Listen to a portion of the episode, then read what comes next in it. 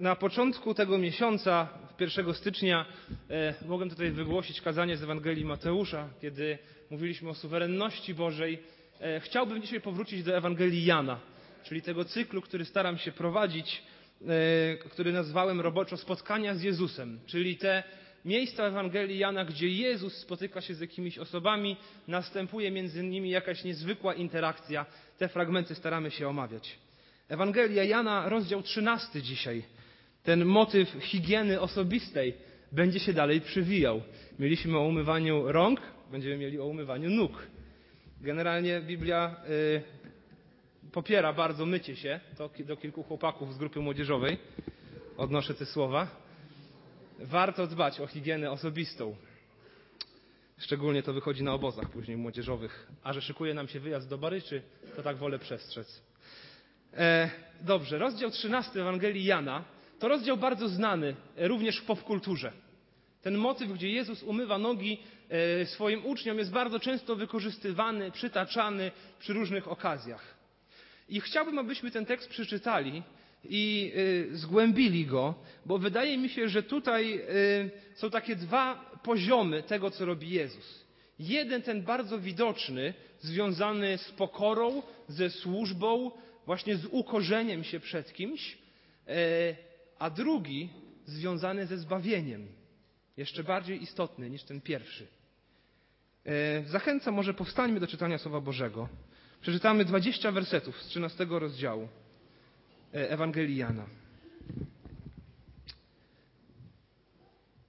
Przed świętem Paschy Jezus, wiedząc, iż nadeszła godzina Jego odejścia z tego świata do Ojca, umiłowawszy swoich, którzy byli na świecie, umiłował ich aż do końca. A podczas wieczerzy, gdy diabeł wzbudził w sercu Judasza, syna Szymona Iskarioty, zamysł wydania go, wiedząc, iż ojciec wszystko dał mu w ręce i że od Boga wyszedł i do Boga odchodzi, wstał od wieczerzy, złożył szaty, a wziąwszy prześcieradło, przepasał się. Potem nalał wody do misy i począł umywać nogi uczniów i wycierać prześcieradłem, którym był przepasany. Podszedł też do Szymona Piotra, który mu rzekł: Panie, ty miałbyś umywać nogi moje? Odpowiedział Jezus i rzekł mu, co ja czynię, ty nie wiesz teraz, ale się potem dowiesz. Rzeczy mu Piotr, przenigdy nie będziesz umywał nóg moich. Odpowiedział mu Jezus, jeśli cię nie umyję, nie będziesz miał działu ze mną. Rzeczy mu Szymon Piotr, panie, nie tylko nogi moje, lecz i ręce i głowę. Rzeczy mu Jezus, kto jest umyty, nie ma potrzeby myć się, chyba tylko nogi, bo czysty jest cały. I wy czyści jesteście, lecz nie wszyscy. Wiedział bowiem, kto ma go wydać Dlatego rzekł, nie wszyscy jesteście czyści. Gdy więc umył nogi ich i przywdział szaty swoje i znów usiadł, rzekł do nich, czy wiecie, co wam uczyniłem? Wy nazywacie mnie nauczycielem i panem i słusznie mówicie, bo jestem nim. Jeśli tedy ja, pan i nauczyciel, umyłem nogi wasze i wy winniście sobie nawzajem umywać nogi, albowiem dałem wam przykład, byście i wy czynili, jak ja wam uczyniłem. Zaprawdę, zaprawdę powiadam wam, sługa nie jest większy od Pana swego, ani poseł nie jest większy od tego, który go posłał. Jeśli to wiecie, błogosławieni jesteście, gdy zgodnie z tym postępować będziecie. Nie o was wszystkich mówię. Ja wiem, kogo wybrałem. Lecz niech wypełni się pismo, ten, kto spożywa chleb mój, podniósł na mnie piętę swoją. Już teraz powiadam wam, zanim się to stanie, abyście, gdy się to stanie, uwierzyli, że ja jestem. Zaprawdę, zaprawdę powiadam wam, kto przyjmuje tego, kogo poślę, mnie przyjmuje. A kto mnie przyjmuje, przyjmuje tego, kto mnie posłał. Panie nasz i Boże, prosimy Ciebie o to, abyś błogosławił to rozważanie słowa Twojego. Prosimy Ciebie o to, abyś kształtował nas właśnie serce sługi. Prosimy Ciebie o to, aby nikt z nas nie był człowiekiem nieobmytym przez krew baranka, Panie, prosimy Ciebie, uwielbij się w tym rozważaniu. Jak zawsze proszę, nie daj powiedzieć mi niczego, co byłoby nieprawdą lub co nie wynikałoby z Twojego słowa. Amen. Amen. Usiądźmy.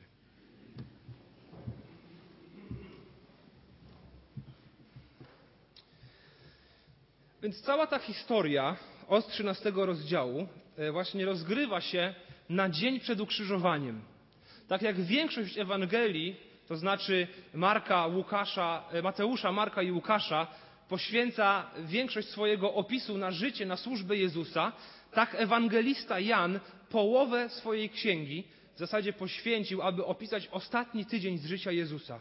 A od 13 rozdziału to już jest czwartkowy wieczór, e, gdzie Jezus za kilka godzin zostanie pojmany w ogrodzie Getsemane, później przesłuchany, osądzony, w międzyczasie torturowany i później ukrzyżowany. I tak też czytamy w pierwszym wersecie, że dzieje się to przed świętem Paschy, przed świętem, które, e, które upamiętniało wyjście Izraelitów z Egiptu i tę noc, w której anioł śmierci przeszedł po Egipcie, a ocalił wszystkich tych, których odrzwia były pomalowane krwią baranka. Przed świętem Paschy Jezus, wiedząc, iż nadeszła godzina Jego odejścia z tego świata do Ojca, umiłowawszy swoich, którzy z Nim byli, umiłował ich aż do końca. Szczególnie ten ostatni zwrot o umiłowaniu swoich i umiłowaniu ich aż do końca. Bo ten zwrot pokazuje nam, że wszystko, co się dzieje e, w tej Ewangelii, a szczególnie wszystko, co dzieje się od tego wersetu i dalej do końca Ewangelii, dzieje się dlatego, że Jezus umiłował swoich. Umiłował tych, których dał mu ojciec, umiłował swoich uczniów, umiłował swoje dzieci. I on nie tylko jest powiedziane, że ich umiłował, ale umiłował ich aż do końca. Myślę, że to oznacza, że umiłował ich tak bardzo, że bardziej się już nie da umiłować. Albo umiłował ich tak, że był gotowy aż do końca na, wszystko, na poświęcenie wszystkiego, w tym swojego życia. Umiłował ich aż do końca. Gdyby zrobić skalę miłości od zera na tak zwanego maksa, to, to byłaby ta e, maksymalna, największa miłość. Jezus robi to wszystko, bo umiłował swoich i umiłował ich aż do końca. Więc to umycie nóg, później e, rozmowa Jezusa z uczniami, Getsemane, pojmanie, sąd, tortury, śmierć, zmartwychwstanie, wszystko to robi, bo umiłował ich aż do końca. Ale, jak czytamy już w drugim wersecie, nie wszyscy, którzy przebywają w wieczerniku, są Jego. Drugi werset mówi, podczas wieczerzy, gdy diabeł wzbudził w sercu Judasza, syna Szymona Iskarioty, zamysł wydania go, to coś tam się właśnie dalej dzieje. Więc podczas tej wieczerzy diabeł w sercu Judasza, jednego z dwunastu, z najbliższych współpracowników Jezusa, diabeł wzbudził w jego sercu zamysł wydania Chrystusa. Myślę, że warto chwilę się nad tym wersetem zatrzymać. Co to znaczy, że diabeł w nim wzbudził taki zamysł? Wydaje mi się, że to nie oznacza e, opętania demonicznego. Że to nie oznacza opętania demonicznego. List do Efezjan, na przykład drugi rozdział, werset pierwszy i drugi, mówią takie słowa. Efezjan 2, 1, 2. Apostoł Paweł pisze do Kościoła i wy umarliście przez upadki i grzechy wasze, w których, w których niegdyś chodziliście według modły tego świata, uwaga, naśladując władcę, który rządzi w powietrzu, ducha, który teraz działa w synach opornych. Więc mamy tu opis, właśnie ten władca działający w powietrzu, to jest opis właśnie diabła, szatana. I tu jest napisane, że on działa w synach opornych. I mówi, kiedyś wy, kościele w Efezie, do takich należeliście ale już nie należycie. To by oznaczało, że człowiek albo jest pod panowaniem Bożym, albo jest pod panowaniem diabelskim, nawet kiedy nie zdaje sobie z tego sprawy.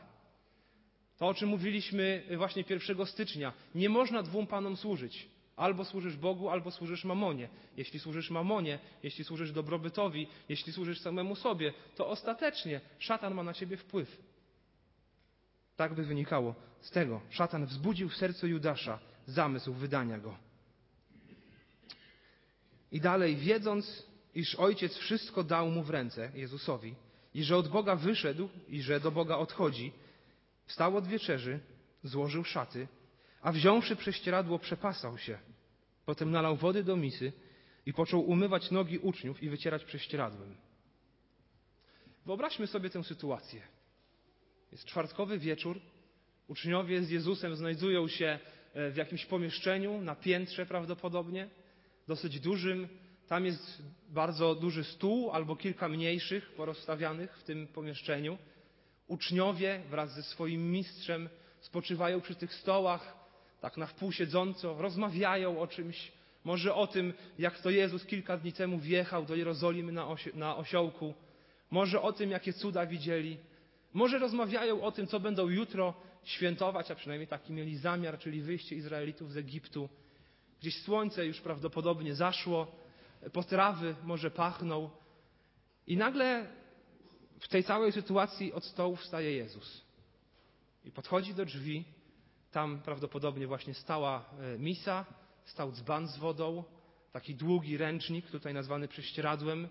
Jezus nalewa tę wodę do misy, e, opasuje się długim ręcznikiem, zostawia sobie wolny koniec i podchodzi do jednego z uczniów, nie wiemy którego, i zaczyna myć mu nogi. Jezus, który jest ich mistrzem. Jezus, o którym jak czytaliśmy wyznanie Piotra, powiedziano, że jest synem Bożym. Jezus, który, jak oni widzieli, rozmnażał chleb i ryby. Jezus, który, jak oni widzieli, przywracał ślepym wzrok. Jezus, który, jak oni widzieli, uspokajał fale i burze. Jezus, który wzbudził z martwych łazarza, martwego od czterech dni. Jezus, o którym Jan Chrzciciel powiedział, że nie jest godzien rozwiązać mu rzemyka u sandałów jego. Ten Jezus podchodzi i zaczyna myć stopy swoim uczniom. Uczniom, którzy często w Niego nie wierzyli albo wątpili. Uczniom, którzy nie rozumieli często, o co Jezusowi chodzi w Jego wypowiedziach i w Jego działaniu. Uczniom, którzy kłócili się między sobą o to, kto jest ważniejszy. Uczniom, którzy wątpili w Jego moc. Jezus, uczniowie, między nimi wydaje się, że jest ogromna przepaść. I jeśli już ktoś powinien myć komuś nogi, to z pewnością nie Jezus uczniom. Ale to On właśnie to robi. Jezus wychodzi, ten wspaniały, wielki Jezus wychodzi do uczniów z ręcznikiem, wodą i myje im nogi. I ten zwyczaj był dosyć powszechny e, umywania nóg. Każdy, kto e, zapraszał do siebie gości, był zobowiązany do tego, aby w taki sposób usłużyć innym. Albo miał do tego pracownika, niewolnika, albo kogoś z rodziny, kto się zajmował umywaniem nóg. Dlatego, że musimy sobie wyobrazić ten klimat, w którym oni żyli. I te czasy. Chodzili po drogach piaszczystych albo kamienistych, wszędzie kurz, gorąco, mieli sandały, często przecież zwierzęta podróżowały i zostawiają po sobie zwierzęta różne ślady na drogach, bo się tam po prostu, mówiąc kolokwialnie, załatwiają. To człowiek w gumowcach jakby przeszedł, to by chciał nogi umyć, a co dopiero w sandałach. Więc obyczaj nakazywał umyć nogi. Ale nikt z nich najwidoczniej nie chciał się ukorzyć i usłużyć innym. A nie było takiego pracownika, który by się tym zajął. Więc Jezus musi to robić. I robi. I chciałbym przeskoczyć na chwilę tę rozmowę z Piotrem i dojść do dwunastego wersetu, kiedy już jest po tym całym e, precedensie czy wydarzeniu. Gdzie czytamy w dwunastym wersecie, gdy więc umył nogi ich i przywdział szaty swoje i znów usiadł, rzekł do nich, czy wiecie, co wam uczyniłem? Wy nazywacie mnie nauczycielem i panem i słusznie mówicie, bo jestem nim. Jeśli tedy ja, pan i nauczyciel, umyłem nogi wasze i wy winniście sobie nawzajem umywać nogi. Ja, pan i nauczyciel. Nauczyciel oznacza rabbi. Często takich słów używano wobec Jezusa. Wy tak do mnie mówicie? Prawdę mówicie. Jeśli zwracacie się do mnie, do Jezusa, panie i nauczycielu. To jest prawda. I zobaczcie, że skoro ja, wasz panie nauczyciel, umyłem wam nogi, to wy nawzajem powinniście sobie to robić. O ile bardziej wy powinniście sobie usłużyć, o ile bardziej wy powinniście się wobec siebie nawzajem ukorzyć, o ile bardziej wy powinniście uważać innych za ważniejszych od siebie. Werset 15. Albowiem dałem wam przykład, byście i wy czynili, jak ja wam uczyniłem. Zaprawdę, zaprawdę powiadam wam, sługa nie jest większy od Pana swego, ani poseł nie jest większy od tego, który go posłał. To ostatnie zdanie jest bardzo ciekawe, bo rozumiemy relację sługa-pan, omówiliśmy ją, ale potem jest poseł i ten, który go posyła. Jak, co Jezus powiedział w Ewangelii Mateusza, kiedy odchodził do nieba, do uczniów? Idźcie tedy i czyńcie uczniami wszystkie narody. I tak dalej, i tak dalej. Idźcie. Czyli On ich wysyła. Oni są Jego posłańcami, Jego posłami. I Jezus mówi, tak jak y, poseł nie jest wyższy nad Pana, nad tego, który go posłał. Sługa nie jest wyższy nad swego Pana. Skoro ja wam to wszystko zrobiłem, wy róbcie sobie to nawzajem. I werset 17. Jeśli to wiecie, błogosławieni jesteście, gdy zgodnie z tym będziecie postępować. Błogosławieni jesteście, gdy zgodnie z tym będziecie postępować. Chcesz być błogosławiony? Umywaj innym stopy. Może nie fizycznie, chociaż jak będzie potrzeba też. Chcesz dostąpić błogosławieństwa od Boga, mieć świadomość, że Bóg czuwa nad tobą, że powiedzmy sobie może trochę nieładnie, ale sprzyja Tobie, przyjmij postawę sługi. I mi się może łatwo o tym mówi z kazalnicy, ale sam znam swoje życie. I wiem, że ja nie jestem odpowiednią osobą, aby podawać na pewno siebie za przykład. Ja sam widzę, ile, ile mi brakuje. Ja sam widzę, że dużo łatwiej przychodzi mi wręcz przeciwna postawa. Ale chcę się uczyć tego, co pokazał Chrystus. Dlatego, że On powiedział, że my, Jego uczniowie, mamy tak robić. I dlatego, że On powiedział, że wtedy będziemy błogosławieni. I patrząc na Chrystusa, na to, co On zrobił, właśnie można powiedzieć, że prawdziwy szacunek u ludzi zyskuje się nie swoją pozycją, ale swoją postawą. Prawdziwy szacunek u innych zyskuje się nie swoją pozycją, ale swoją postawą. Nigdy nie zapomnę, jak już kilka lat temu z pewnym pastorem e, byłem na obiedzie u jego zborowników. E, I pamiętam, że tam było dużo krzątaniny, i po obiedzie ten pastor zaproponował, że on umyje naczynia. I oczywiście było, że nie, że, że nie możesz, pastorze i tak dalej, jesteś naszym gościem. Pani domu chyba jeszcze chciała ciasto upiec, gospodarz gdzieś tam musiał wyjść. I pastor mówi spokojnie, przecież to nie jest nic wielkiego. Zebrał naczynia, zaniósł do zlewu i umył. Nie pamiętam, o czym tamtego dnia było kazanie. Nie pamiętam nawet y, za bardzo, która to była niedziela w roku, ale nigdy nie zapomnę tego, że on to zrobił. Pastor ma nawet tytuł honorowy prezbitera. To nie pozycją y, zyskujemy szacunek, ale postawą zyskujemy szacunek. Dlatego chcę nas zachęcić. Rodzice, jeśli chcecie być szanowani przez swoje dzieci, pokażcie im pokorę. Starsze rodzeństwo, jeśli chce być szanowane przez młodsze rodzeństwo, pokażcie im pokorę. Żony i mężowie, jeśli chcecie, abyście się nawzajem szanowali, pokażcie swoją pokorę. Szefowie i menadżerowie, chcecie być szanowani przez swoich pracowników, pokażcie im swoją pokorę. Starsi zboru i radni zboru, chcecie być szanowani przez swoich zborowników, pokażcie im swoją pokorę. Młodzieżówka, chcecie być szanowani przez swoich rówieśników, ale tak prawdziwie szanowani, nie na chwilę tym, że ktoś coś przyszpanował, więc się o nim mówi przez jeden dzień, a potem zapomina. Prawdziwie szanowani, pokażcie im swoją pokorę. Dlaczego? Dlatego, że Jezus mówi, aby tak robić, jeśli jesteśmy Jego uczniami. I dlatego, że wtedy możemy spodziewać się błogosławieństwa Bożego. Umywajmy jedni drugim stopy. Jak trzeba i tak fizycznie, ale też w ten sposób duchowy, służąc jedni drugim. C.S. Lewis, taki znany chrześcijański filozof, myśliciel, powiedział, że pokora nie oznacza, że myślisz o sobie gorzej, pokora oznacza, że myślisz o sobie mniej. Pokora nie oznacza, że myślisz o sobie gorzej. Pokora oznacza, że myślisz o sobie mniej. Więc myślmy mniej o sobie i bądźmy gotowi usłużyć innym, nawet jeśli ich nogi są bardzo brudne, nieumyte i śmierdzące. Być może w przypadku niektórych uczniów tak właśnie było. Ale jeszcze ta druga część, to, to drugie sedno tego, co chciał pokazać Jezus. Wracamy do wersetu szóstego, który celowo pominąłem, e, i kolejnych, czyli rozmowa z Piotrem. Czyli mamy tą pierwszą, widzialną, znaną bardzo y, ten, interpretację tego, gdzie Jezus mówi, co ja wam zrobiłem, wy róbcie sobie nawzajem, umywajcie nogi, służcie sobie, nie jest, pan, y, nie jest niewolnik wyższy nad Pana i tak dalej. Ale zobaczmy na rozmowę Jezusa z Piotrem. Szósty werset. Podszedł też do Szymona Piotra, który mu rzekł, Panie, Ty miałbyś umywać nogi moje? Taki powiedziałbym klasyczny Piotr, którego znamy z Ewangelii. Raptus. Mówi, panie, nigdy, no nie, tylko nie ty, nie mnie, grzesznemu, panie, ty miałbyś umyć nogi moje?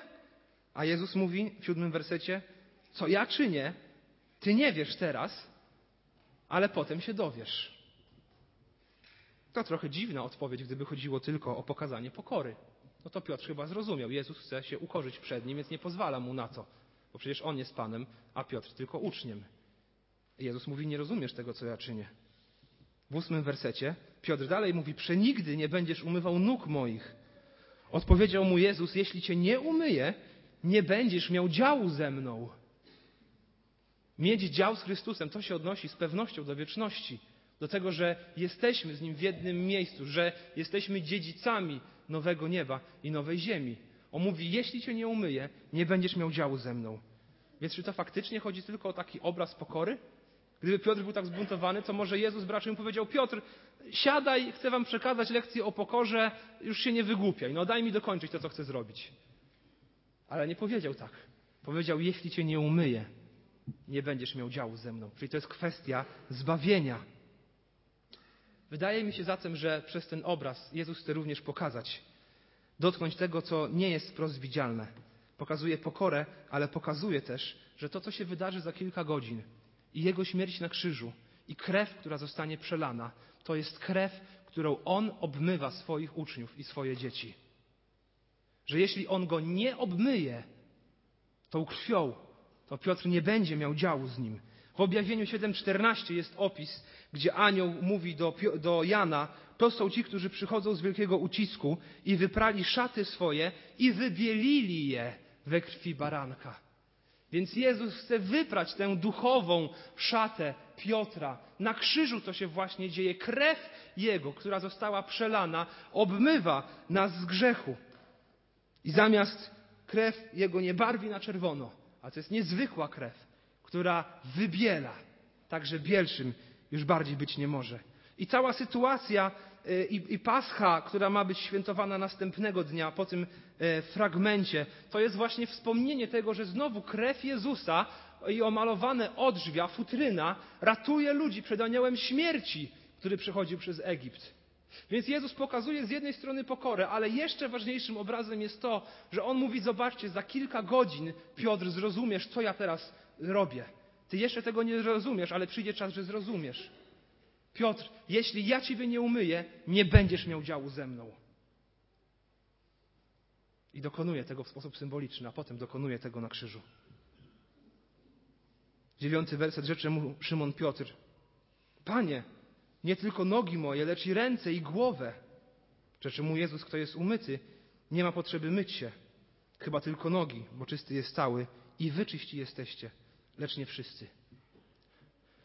Więc mamy człowieka obmytego, kto jest cały obmyty, nie musi myć się, chyba że tylko nogi. E, myślę, że to się odnosi do naszej codzienności, do naszego grzechu. Jeśli zaufałeś Chrystusowi, e, jesteś obmyty, ale On nie zabrał nas jeszcze stąd. Jeszcze tu chodzimy po tej ziemi. I kiedy chodzimy po tej ziemi, to brudzimy sobie nogi duchowo, różnymi grzechami. Jest ledwie jednasta za pięć, a już na pewno mamy co nieco, za co Pana Boga powinniśmy przeprosić. I brudzimy sobie te nogi. Ten sam Jan w pierwszym liście swoim, czyli kilka lat prawdopodobnie po napisaniu Ewangelii, w pierwszym rozdziale pisze tak. Pierwszy Jana, pierwszy rozdział 7, 8, 9. Jeśli zaś chodzimy w światłości, czyli mówi to do chrześcijan, jak on sam jest światłości, jak on sam jest światłości, społeczność mamy z nim i krew Jezusa Chrystusa, Syna Jego, oczyszcza nas od wszelkiego grzechu. I on mówi to do wierzących. Jeśli mówimy, że grzechu nie mamy, sami siebie zwodzimy i prawdy w nas nie ma. Ale jeśli wyznajemy grzechy swoje, wierny jest Bóg i sprawiedliwy i odpuści nam grzechy i oczyści nas od wszelkiej nieprawości. Myślę, że kiedy pisał te słowa, miał w głowie to, co działo się w wieczerniku i Jezusa umywającego nogi swoim uczniom. Więc wciąż chodząc tutaj, brudzimy swoje duchowe nogi różnymi grzechami. Bracia i siostry, biegnijmy do Chrystusa, wyznać Mu je, aby On nas obmył. Nie zostawajmy jeszcze głębiej w tym świecie, bo one naprawdę mogą stać się brudne i naprawdę mogą zacząć śmierdzieć. I nie wiadomo, w co jeszcze my możemy wdepnąć, chodząc po tym świecie.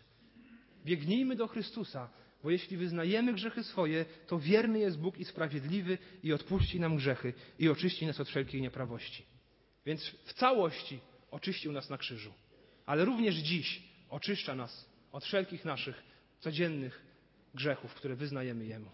Zawsze je wyznawajmy, nie pozwólmy na to, na to, aby biegać z brudnymi nogami po tym świecie, w tym sensie duchowym.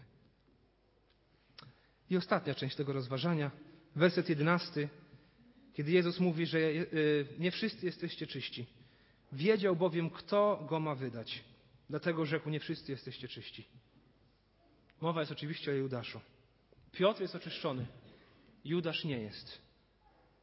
I w wersecie 18 i dalej Jezus mówi, nie o wszystkich mówię. Ja wiem, których wybrałem. Lecz niech się wypełni pismo, ten, kto spożywa chleb mój, podniósł na mnie piętę swoją. Już teraz powiadam wam, zanim się to stanie, abyście, gdy się to stanie, uwierzyli, że ja jestem Zaprawdę, zaprawdę powiadam wam, kto przyjmuje tego, kogo pośle, mnie przyjmuje. A kto mnie przyjmuje, przyjmuje tego, który mnie posłał. Jeszcze werset 21. Po tych słowach Jezus, wstrząśnięty do głębi, oświadczył, mówiąc: Zaprawdę, zaprawdę powiadam wam, jeden z was mnie wyda. Było ich dwunastu. Z pozoru wyglądali tak samo. Z pozoru wszyscy byli czyści. Z pozoru wszyscy byli uczniami. Ale Jezus mówi: Nie. Ja wiem, którzy są moi. Ja wiem, że jednastu jest moich. Że Piotr, chociaż raptus, chociaż się mnie zaprze, to będzie oczyszczony. Ale wiem, że Judasz nigdy nie został naprawdę moim uczniem. I uczniowie mieli wiele upadków, o czym już mówiliśmy. Ale pomimo upadków zrozumieli, że Jezus jest Chrystusem, tym za kogo się podaje. Więc pomimo upadków zostali oczyszczeni. Judasz jednak wewnątrz był czarny jak smoła.